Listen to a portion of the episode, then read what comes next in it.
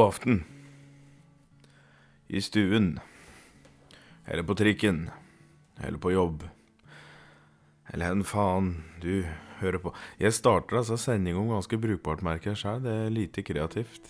Eller eh, Kanskje er det kreativt, men, men det er i hvert fall eh, et helt forferdelig forsøk på å liksom Forsøke å ønske velkommen. Det tar jeg sjælkritikk på. Eh, det beklager jeg. Men uansett, velkommen til en ny episode av Krakadal eh, radio. um, ja, jeg må starte i dag med å si at i dag blir eh, den siste episoden på en stund. Eh, den neste episoden nå vil ikke være tilgjengelig før søndag 19. eller 26. november. Eh, rett og slett eh, grunnet at jeg har en del ting på kalenderen å gjøre. Så når denne her blir ute, så er det da den tiende episoden. Jeg tenker at det er ganske ålreit. Eh, det er ti episoder. Jeg har vært ute med Krakadal radio i seks Nei, sju uker. Sju uker, ti episoder. Så langt, når jeg leser inn dette her, eh, eller forteller om eh, Ja, prater dette her, så er det totalt 3811 nedlastninger. Eh, så jeg må si at dette har jo gått unna, det. Så er det kanskje ålreit å ta en liten pause nå. Så kan de som ikke har hørt dette her ennå, få lov til å bingelytte. Eventuelt. Ehm, ja. Vi skal i dag eh, I dag så skal jeg preke om, eller fortelle om eh, Trude Amalie Hermansen. Hun ble født i 1801, eh, og så gikk hun bort i 1867. Eh, det var en eh, kveld i året eh, Å, fy faen, det var dårlig formulert. Men altså, det var en kveld i løpet av et eller annet år, da, på, inn på Krakadalen, da, da Ulvom rundt i skogen hadde sangkveld. Eh, datoen er jo da ikke greit å si her tid var, men det vites at den kvelden her var på sommerstid. Og den dagen da ulven sang eh, penest inn på skogen, det, det var, som da var en herlig sommerskveld da, i 18, nei, jo, 1801, så ble altså da Trude Amalie Hermansen født. Eh, hun skulle bare bruke navnet Trude, men eh, far hennes, Per Arntor Hermansen, trosset da kona si og oppkalte eh, Trude Amalie etter mor si, Amalie Dorothea Hermansen. Trude sin mor, June, hun hater sin svigermor eh, så Altså Amalie, da, og, og nekte egentlig å oppkalle Trude etter sin svigermor. Men etter at per, per Arntor eh, rett og slett nekter bort lemmet sitt eh, Altså han nekter å bruke lemmet sitt på henne om hun ikke ble oppkalt. Så da ga da June seg. For hun hadde jo lyst på flere unger etter hvert. Og da, det funker ikke hvis en Per Arntor da hadde knipet igjen buksesmekken. Så med det så ble da Trude da hette han uh, Trude Amalie på papiret. Og far Per Arntor lot lemmet sitt brukes til ungeproduksjon. Til ja, Slik så at eh, Så June endte jo da med å få det slik hun ville, da. Og det ble for bare tolv unger eh, totalt. Trude var da eldst. Eh, Una kom i 1803, Tiril i 1805, Mille Grete kom i 1806, Trygve Roar i 1808, Lise Elisabeth i 1810, Tiril Amalie i 1814 og Roar i 1815, Frida Lill i 1816, Jan Ole i 1820, Anette Beate i 1823 og til slutt Lille Arntor kom da i 1825 en diger søskenflokk eh, for oss som lever i dag, kan du si. Eh, per Arntor og June de kunne jo fort ha fått flere. Om det da ikke hadde vært for ei ulykke som Per Arntor ble utsatt for noen dager etter at de hadde gjort unna elskoven som da resulterte i lille Arntor. For da Per Arntor var ute og hogde tømmer, så gikk det ei diger flis som skjøt seg vei fra treet og rett inn i pungen hans, som splitte sædledere hans. Og med det var det jo ingen armer òg. June fikk på den tida da et enormt sammenbrudd, for hun visste ikke helt her hun skulle bruke tida si på når lille Arntor ble stor. Og, og, og hun da ikke hadde noe flere unger å ta seg av. Uh, June var i 1825 39 år gammel. Endte med å bruke dager på å sitte inne i vedskåla de hadde på tunet, og der satt hun og spikke små babyer mens Per Arntor for rundt og satte unga i gang med gardskjervet. Lille Arntor satt gjerne i et eh, skjerf som Per Arntor knite fast rundt brøstet sitt, så når de var ute og råka med ljå og kutte både gras og korn, så satt lille Arntor da på, på riggen. Um, Trude var ofte med far sin, for rundt med ljåen ute på jordet. Uh, hun likte godt å holde på med gardskjervet. Eh, da det lokale jaktlaget i Krakadal Hunters, som var da oppstartet av eh, Harry Hunt, som opprinnelig da kom fra eh, Kirby Moorside i York, Storbritannia, så masa jo Trude i flere dager på far sin om å få lov til å være med. Per Arntor ba alltid Trude om å sperre av mor si om det, og ettersom det var June som var For det var jo June som var mest redd for at unga skulle bli borte. Så Per Arntor han visste vel det at June kom nok til å si nei. Men Trude gikk da banke på der inn til vedskåla der mor satt og spekk i spedbarn, og så, så spurte hun. Mor, kan jeg få bli med Harry og gjengen og jakte på rev? Og da svarer mor som oftest, nei, nå sitter jeg og spikker ei lillesøster til deg, så du får vente til i morgen. Trude gikk ofte da slukøret tilbake til kroken sin inne i huset, som var like ved kjøkkeninngangen, og satt der da og drømte seg bort til de frodige jaktmarker med hjort og grevling, elg og hare. Hun spikket seg ofte piler sjæl, og bue hadde hun jo så klart laga. Spikkeegenskapa dem hadde nok hun da fått arve av mor si, faktisk.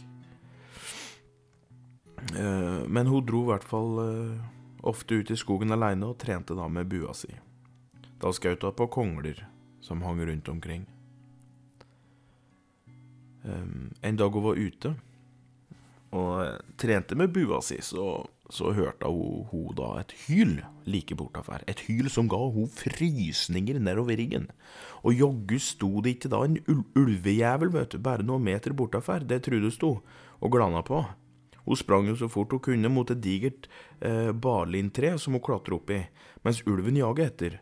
Heldigvis så kom hun seg opp før ulven tok henne men han sto nede ved trerota og glana opp på ham mens han ule høgt, da, som en liten skogens sopran. Eh, etter noen minutter, eh, da kom det jammen sju andre ulver springende bort, sto med øva sine klistret på Trude som satt i balintreet, og undret på hvordan søren hun skulle komme seg ned igjen. Eh, eller hun Trude gjorde det, liksom. Plutselig så hørte hun en stemme som ljomet rundt i skogen. Where are those grey bastards? Let's shoot those foul animals and give them to the pigs. Og Ulvom hadde jo aldri hørt engelsk før, så de ble jo redde for at det kanskje var et troll eller noen tusser som var på vei, så de, de fløy bort. Men så klart, det var jo Harry Hunt vet du, og jaktlaget.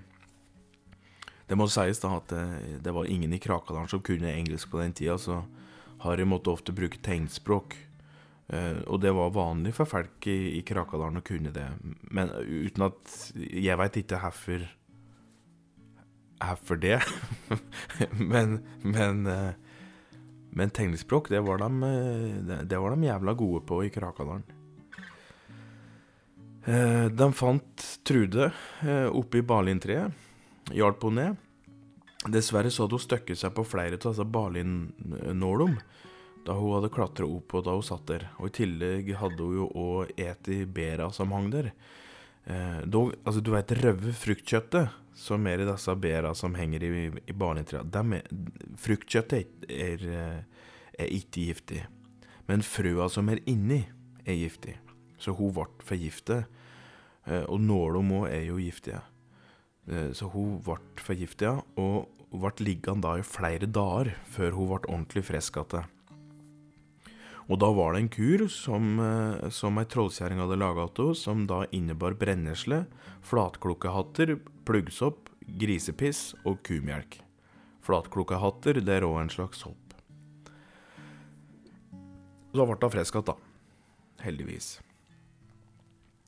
Eh, når Trude var 26 år gammel, da råket hun på en kær som sto ved skogshøltet og ferdig med på Trude og søsknene hennes mens de slo gras. Hun syntes det var litt utrivelig, så hun gikk da bort til kæren med, med ljåen festet i godt grep, eh, og stelte seg opp. Spurte da her han sto der og glana på, og da ble kæren, som ikke var så mye eldre enn en hun sjæl, så skjelven i beina. Eh, og så svarer han. Jeg syns du er så pen. Og så prøvde han å snu seg rundt og gå, men da tok Trude tak i skjortekragen hans og reiv den ned på bakken.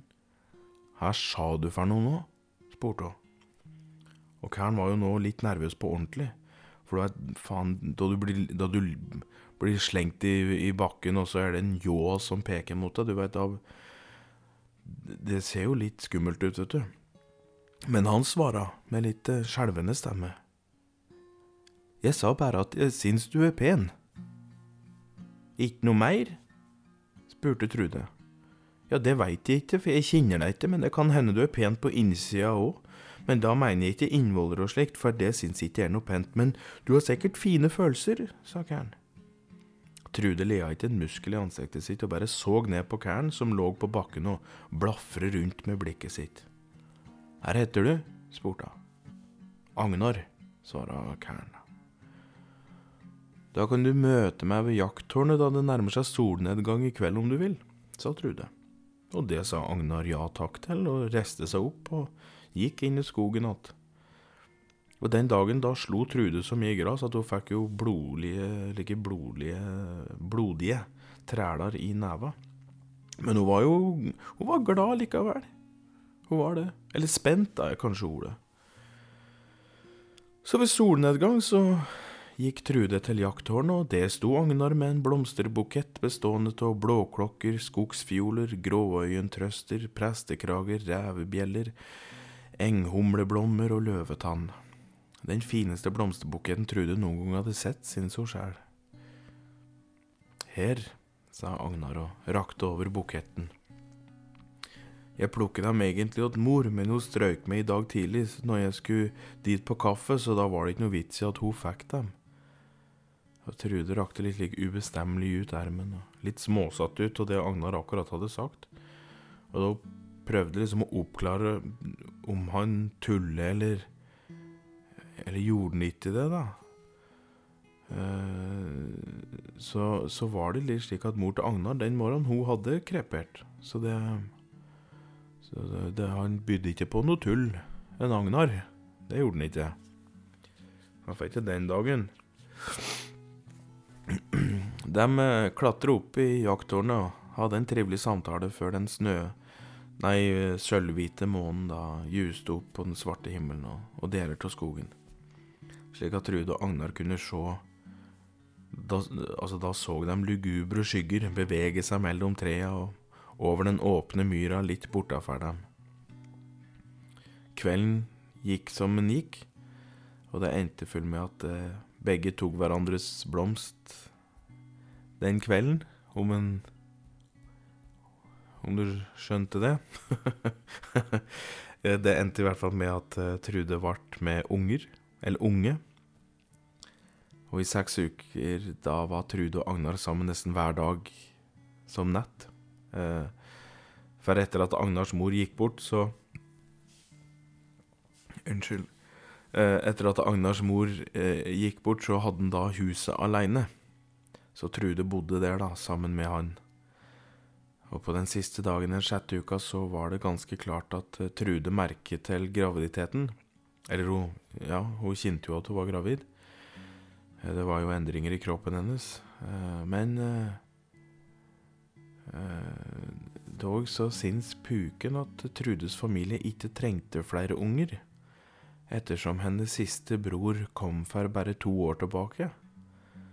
Så um, den kvelden da sola hadde lagt seg bak bergsida og, og, sendte da sine siste røde stråler utover Krakadalen, da Trude var ute for å ta inn klærne hun hadde vasket, så sto puken bak henne og ba om en liten prat. Trude var livredd, for alle visste at når fanden var ute, så var det aldri noe godt som kom ut ur det. Snarere tvert imot, det var jo sørgeligheter. Her er det du vil? spurte Trude, og puken svara da med sin heslige stemme. Jeg skal gi deg et valg. Din kjæreste eller, eller ditt ufødte barn. Trude skjønte ikke helt hva han mente, for, for nå så han eh, hun ba han om å utdype, og da sa puken. Du kan få beholde en. Din kjæreste eller ditt ufødte barn. Her hva skjer med den jeg ikke velger, da? spurte Trude. Vedkommende blir med meg og venter på deg i etterlivet. Men her om det ikke kommer noe etterliv, da? Spurte Trude med gråten i hersen. Da ser du vedkommende aldri mer. Her hvis ikke velger noen av dem? Da tar jeg begge to, svarer puken. Trude satte seg ned på kne og foldet sine never. Hun var ikke truende, altså som i troende. Hun var ikke truende, så, men akkurat der så ba hun til alle guder hun kunne komme på, for hvis puken var her stående på sine to hover, hen var så den gode motpart. Det er døde mennesker som er den gode motpart, sa puken med et lurt glis om munnen, og det røde øyet hans glinse i helvmerket. Trude klarte ikke å velge. Riktignok var jo Ungen hun bar på ikke så gammelt, men den var tross alt like gammel som kinnskapet hun hadde til Agnar. Og Agnar hadde jo hadde ingen andre, mens Trude kunne jo ta ungen med seg inn til en så stor og kjærlig familie. Eh, og skulle hun velge Agnar, og de var på vei med ni unge, så ville mest sannsynlig puken komme på nitt, så sant ingen i hennes familie gikk bort og rydde plass. Hun løftet huget mot puken som sto der med sitt eh, slue blikk, og hennes istårer triller nedover kjaka hennes, og en hardhet i stemmen kom fram idet hun sa, Jeg velger mitt barn. Jeg velger mitt barn. Puken ga ifra seg et lite vink og sa at det var greit, før han så hoppe videre inn i skogen og da Trude sprang inn for å si ifra til Agnar her som hadde skjedd, så hang Agnar dinglende ifra parafinlampa som hang i kjøkkenet. Agnar eh, Agnar hadde faktisk skrevet en sang rett før han hang seg, og den, eh, den gikk slik.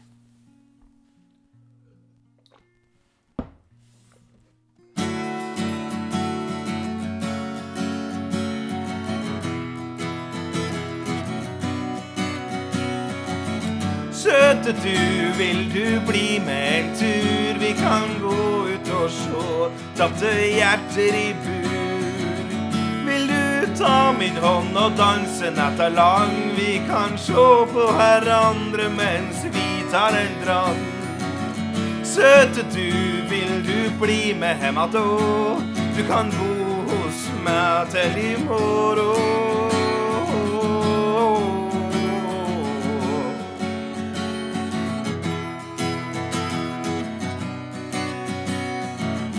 Kjære du, tusen takk for i går. Din pust ga meg sinser tå sommer og vår. Vil du bli med ut og helse på mi ku, og behandler du ho pent, vil jeg ta deg til fru. Kjære du, vil du dele samme liv? Du kan gi min alderdom ei ny giv.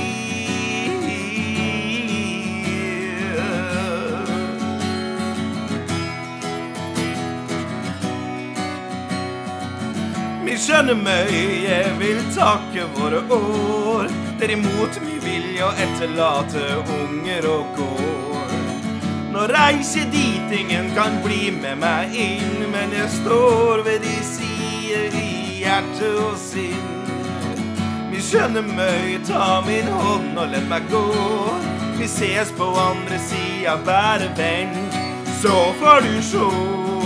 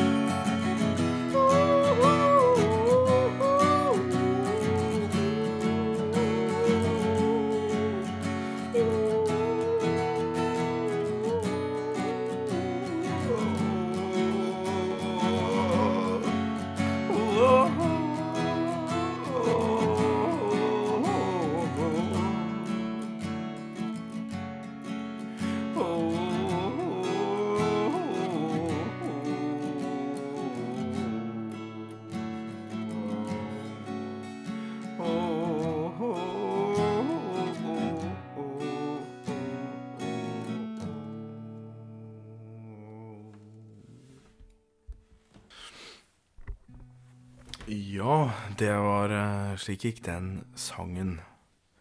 Eh, Jeg må ta meg litt av slurk. eh. Ja I de uker som var fram da til fødselen til Trude sitt barn, så var hele familien hennes med. hele veien. Mor hennes satt og spikket nye tresøsken til sine barn ved sida av senga der Trude lå. For hun ble jo liggende lenge med en slags eh, Altså, det var jo et stort kjærlighetssavn etter Agnar. Hun eh, Agnar var jo den første hun møtte. Det var jo den første hun hadde et slikt forhold til. Kjærlighetssorg er aldri noe ålreit. Så, så eh, hun lå da med, med et slags ja, Skal vi kalle det kjærlighetssavn? Det, var det savn på kjærlighet? Nei, vet da faen. Kjærlighetssorg. Og ikke I den forstand at hun har mista han for godt, på en måte. Han kommer ikke tilbake. Jeg veit ikke om han kaller en så enorm sorg som det der, men jeg veit ikke. Hun var nok, for hun var nok da mye mer glad i han enn det hun hadde trodd. Og hun hadde ikke Der hun lå i senga der, så hadde hun ikke så mye fokus da på eh, at hun skulle bli mor ganske snart.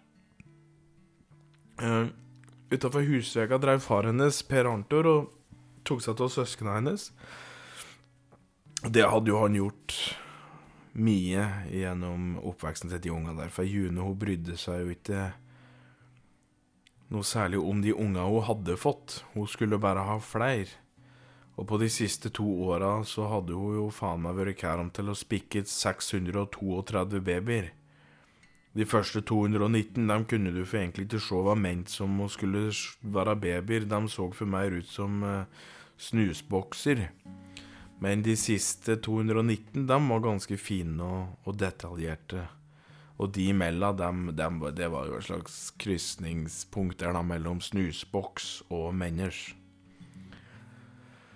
Ja, eh, I mars da, i 1828, da ble jo da Trude mor til lille Kjell. Han ble siden kalt Killer-Kjell, men det, den historien skal du få høre i en senere episode av Krakadal Radio. Eh, det var uansett en eh, herlig Det var jo en enorm lykke på tunet da lille Kjell kom til verden. Og eh, hennes, eh, altså Trudes mor, hun var jo så glad at hun umiddelbart slapp spikkekniven og stubben som hun hadde i neva, og vugge lille Kjell da i favnen sin.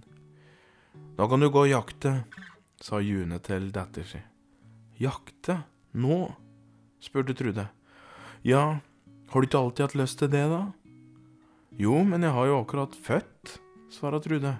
Jo, men nå syr vi at skrevet ditt, og så skal du få gå ut og jage ulveprinsen. Ulveprinsen? Ulveprinsen, ja. Han vandrer langs stien her aleine, og han har eti opp saua dine mens du har ligget her inne, sa mor June. Har han eti saua mine? Alle sju? spurte Trude, hun var jo forskrekket, vet du. Alle sju, men to av dem åt han i sommer da du grein så fælt. Og han smyger seg rundt furu og gran, gauler som en mektig skogssopran, sa mor da, av June. Og Trude var sliten etter å ha ligget i 14 timer for å trykke ut Lillekjell, men så sa joggu sy meg att. Sy meg att. Nå skal det jaktes ulv.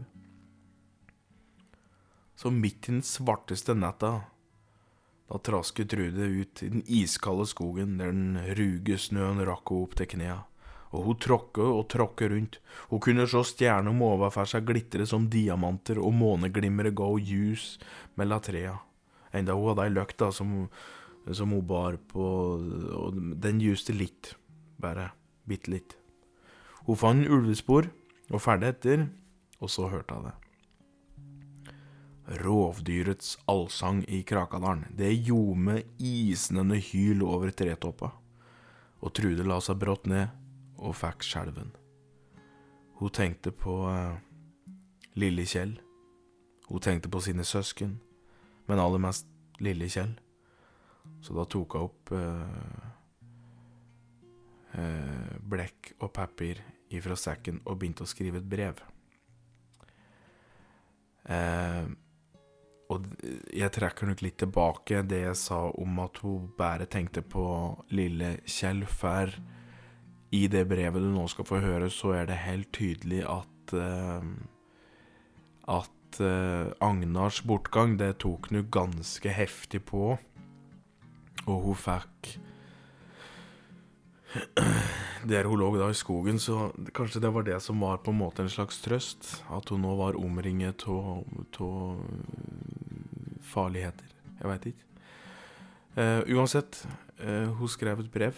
Det brevet, det ble funnet. Det var funnet da en gang mellom 1900 og 1905. Det var det faktisk Oslo-frøkna Ine Jansen som, eh, som fant når hun var på på eh, ja, en av sine vandreturer i skogen. Eh, så her har du opptaket av Ine Jansen fra ja, 19, tidlig 1900-tallet, da.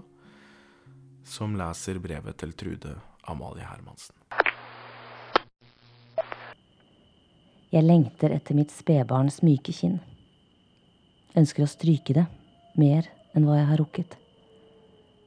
Om valget var rett at jeg dro ut i den svarte skogen, under den dystre himmel, slik den hviler åpen for meg i natt, kan man kanskje diskutere med seg selv til det uendelige. Men valget er tatt. Jeg står her på skogens flate mark, som er furet av liv som har vært, og fortapte spor etter dem som en gang vandret jorden før meg. De grå beistene halser rundt meg med flammende hyl og øyne som følger etter. Mine tanker farer over meg som milde stjernedryss og fòrer så mitt hjerte med dødfrost og edel skjønnhet. Der dødfrosten griper tak i hva jeg kan miste, mens den edle skjønnhet glimter til med hva jeg kan få. Jeg blir rørt, men ikke fordi jeg husker, men fordi jeg ser. Fortapt er min kjærlighet som ga meg blikkets ømhet og den sjelfulle omsorg. Dog brakte den liv til et barn som vil være mitt så langt evigheten tillater meg å eksistere sammen med det. Hvordan skal jeg la være å elske mitt barn, når det alene er kjærligheten verdig? Man kan naturligvis drømme om den sikre kjærlighet, slik den står skrevet hos så mang en forfatters bøker, men jeg undrer meg endog over hvorfor det må være slik. Min kjæreste kjære forlot meg uten å selv ville det. Men fanden og sykdom ville det altså slik.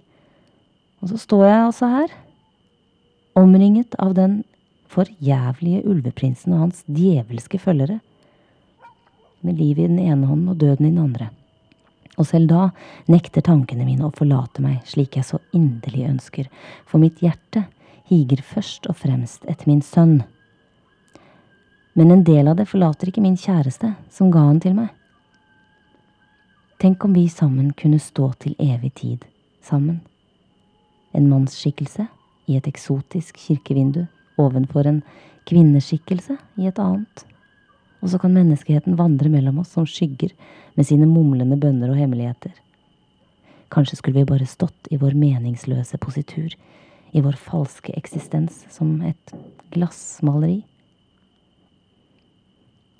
Var din angst og din uro viet til meg, og alt det du søkte forgjeves mitt, fordi du visste at i min favn så ville alt forsvinne? Var det slik du tenkte når du valgte meg til frue?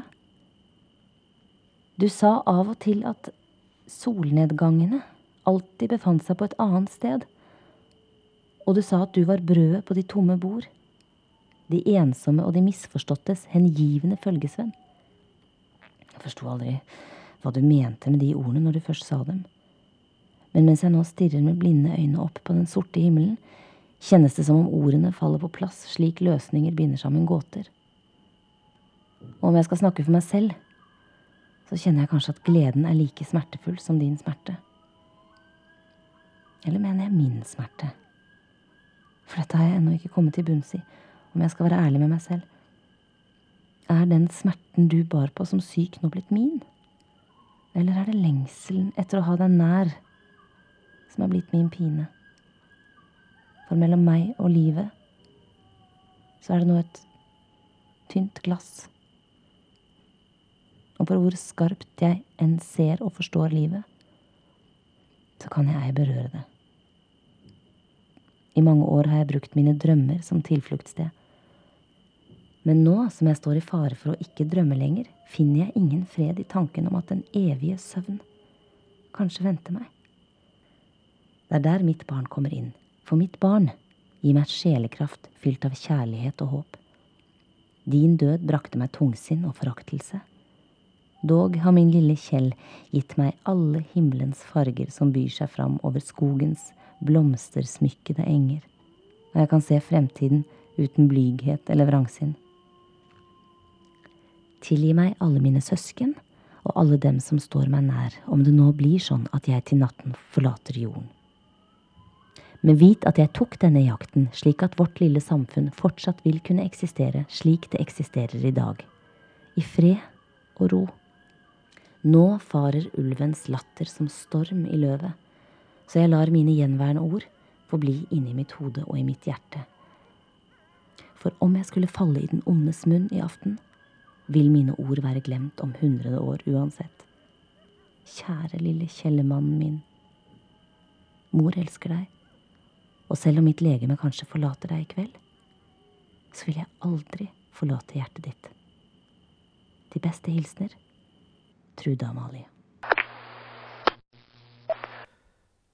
Ja Et trivelig brev, lest opp av ei trivelig dame. Eh, uansett, Trude. Hun lå kald og skjelven i snøen, og hun kunne høre all slags lyder rundt seg. Om det bare var ulv, det kunne hun ikke si, men hun var sikker på at det var, for hun var sikker på at det var noe rådyr der òg. Men hun la det bæsja si, som, en, som da var et snapphanegevær. Det hadde hun fått av far sin, og så lå hun klar. Kunne, hun kunne kjenne at det var jævelskap i lufta. Og hun tenkte på lille Kjell, som nå ratt lå i krybba si og svav søtt. Hun hørte en kvist, eller et eller annet, som knakk bak seg, slapp geværet, drog fram kniven, og så snudde hun seg, strak, eh, Og der, ja, for der kom jo faen meg ulveprinsen. Som et glefsende spyd med øver som juste, som ondskapens pryd. Og Trude strakte ut ermen, spredte termen, og ulveprinsen skreik så det skar i øra til både mennesk som ekorn. Ulveprinsens ånd reste seg opp mot himmelen og dannet nordljus over Krakadalen, og Trude lå i snøen og beundret synet, blodig og stram. Hun kom tilbake til sin sønn, sine foreldre og sine søsken. Hun eh, fant aldri kjærligheten på nytt, men hun bar på så mye kjærlighet for sin sønn at det egentlig holdt i, i, i massevis.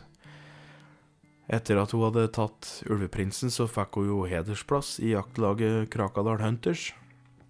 Hun fikk den største jakthytta de hadde, så hun og Kjell kunne få bo der. Og, og de endte jo da med å lage sitt eget småbruk med gjess, høner, griser, geiter og sauer. Og hun for rundt og jakte mange et dyr, slik at bygda hadde mat opp gjennom åra. I 1842, da ble både hennes mor og far eti opp av en ulveflokk mens de var ute og plukke tyttebær. Trude tok med seg Kjell, som da var 13 og et halvt år. Og de vandret da ut i skogen, og så skaut og skar opp hver jævla ulv de eh, kom over, vet du, i en eh, blodig, blodig ulvetokt. Da Trude sjøl var 63 år gammel, og hun var ute og vandret med bæsja på skulderen og kniven i slira si, så kom hun over en grevling som tasser rolig og forsiktig på Krakadalstien. Men plutselig så snudde grevlingen seg brått og sprang mot Trude. Og før hun da rakk å tenke seg om, så hadde glefset til grevlingen satt seg rundt leggen hennes, og han beit til det knasa, og Trude skreik så til og med skyen flette seg til himmelen, og sola skinte rett i ansiktet hennes. Grevlingen snøfte før den så tok det andre beinet og beit det helt til det knasa. Og Trude skreik som faen, men fikk tak på kniven sin og satte den tvert i skaden på grevlingen. Dumt var det at i det dødsstøtet så låste jo kjeven til grevlingen seg, så Trude fikk ut i grevlingen tå beinet. De få ulva som var igjen i Krakadalen, hadde jo brukt da hele sitt liv på å unngå Trude så de visste hvor hun var til all sin tid, og hvordan stemmen hennes hørtes ut. De hadde ferd med Trude rundt i skogen, og så at nå lå hun der hjelpeløs og klar til å gjøre ende på, så de smaug seg bortover. Men Trude var ikke noe lett bytte. Hun hadde brukt de siste 25 åra på å jage ulv, så hun hørte dem komme, og strakte bæsja og fikk skutt en gråtass, som da kom byksene, men de fem andre, dem var på av før hun fikk lade. Hun strakk seg til kniven, men en av ulva greip om ermen hennes og reiv den tvers over. Og det trengs ikke å fortelles mer om her som skjedde så. Noen dager etterpå var det hennes yngste bror, lille Arntor, som var ute og plukke markjordbær, som fant restom av så han fylte støvlene sine med Trudes rester og tok ham med tilbake og putte henne til hvile. Og slik ender historien om Trude Amalie Hermansen. Mm. Så da er det bare å takke for denne episoden. Jeg vil òg gi en stor takk til Ine. Ine Jansen. Og jeg vil òg selvfølgelig takke de andre som må ha vært med så langt. Jan Gunnar Røise, Kåre Konradi, Kjersti Dalseide og Lina Hindrum. Jeg vil takke alle dere som hører på, og jeg gleder meg absolutt til da å komme tilbake til slutten av november med nye episoder. Um, vi er på langt nær ikke ferdige, så, så um, det, det, kommer flere episoder, men akkurat nå så trengs det en uh, bitte liten pause. Dessverre. Men fram til da ønsker jeg deg alt det beste. Ha det trivelig. Takk for i dag.